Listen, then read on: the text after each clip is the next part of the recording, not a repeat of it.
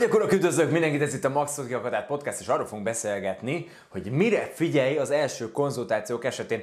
Tegnapi adásban azt a trükköt mondtam el, ami a pipáros négyzetnek a trükkje, ami számunkra 268 ezer forint költéssel hozott 4 millió forint bevételt. Ezt a trükköt mondtam el, ezt még nem nézted meg, menj vissza az előző adásra. A mai adásban arról beszélünk, hogy ha használod ezt a trükköt, és első konzultációkon vagy, akkor mire kell figyelned.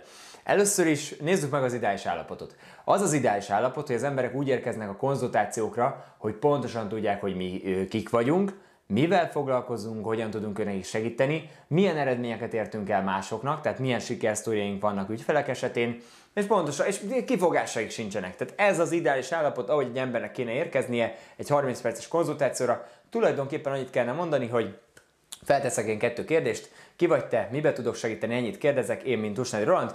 Ő elmondja, hogy ő kicsoda, mibe tudok neki segíteni, és én meg azt mondom, ha ez nyilván igaz, akkor én azt mondom, hogy pontosan ebben fogok segíteni, és ez ennyibe kerül, ugye? Tehát erről már úgy beszéltem is egy másik videóban is, hogy 30 perc alatt hogyan adtam egy 1 millió forintos szolgáltást. Abban a videóban ezt a részt mondom egyébként részletesen, ha pedig erre lennél kíváncsi. De hát ez az ideális állapot, mire ide eljutunk, ez ugye abban a videóban is elmondtam, ez, az hosszú idő, tudatos social media kommunikáció, 3, 6, 9, 12, 24 hónap, 30 36-ban, nekem is körülbelül olyan, egyébként olyan három év volt, mire ebbe a pozícióba eljutottam, amiről most beszélünk. Tehát három év munkája volt, úgyhogy hát azért nem kevés. Tehát több száz videót csináltam végig, több ezer instastorit, stb. Nem kevés dolgot csináltam végig social médiában, mire ide eljutottam, oké? Okay?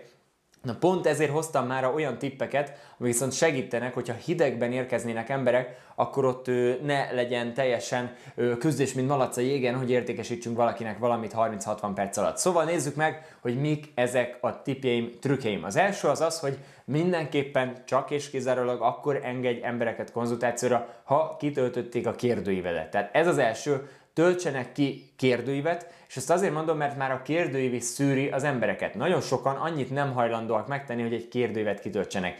Őnekük, ővelük, neked nincsen dolgod. Oké, tehát töltsen, legyen egy kérdőív, amit ő kitölt, ebben általános kérdések vannak. Ha ezt nem hajlandó kitölteni, nincsen konzultáció.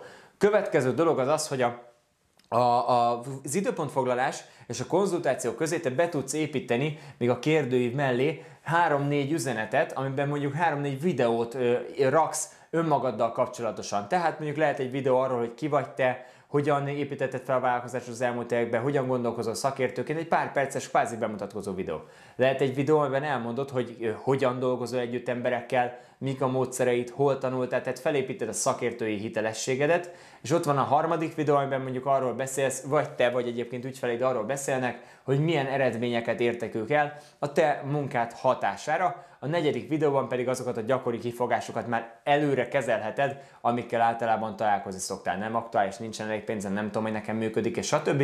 Ezeket előre előre kezelheted a kifogásokat. Ez az ideális állapot, ezt a négy dolgot előre tudják az ügyfeleink. Ez lehet social media kommunikáció, amit mondtam, de így is lehet, hogy úgy engedsz embereket a konzultációra, hogy ezeket a videókat megnézték. Aztán ott van egy harmadik tippem, menjünk a harmadik tippre, ez nem más, mint hogy legyen egy előkvalifikációs hívásod.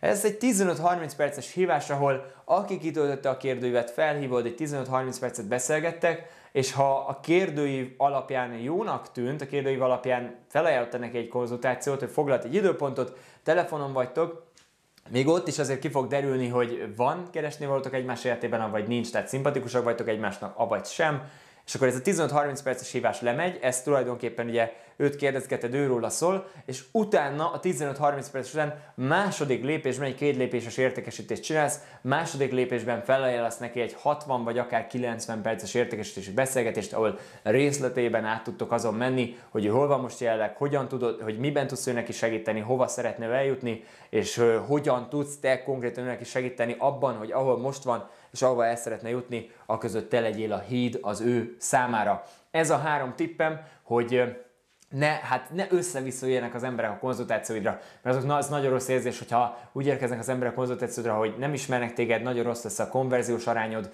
nagyon nehéznek fogod ítélni, és majd azt mondod, hogy hát Roli, kösz szépen ezt a tanácsot, folyamatosan emberekkel beszéltek, hogy nem ismernek engem.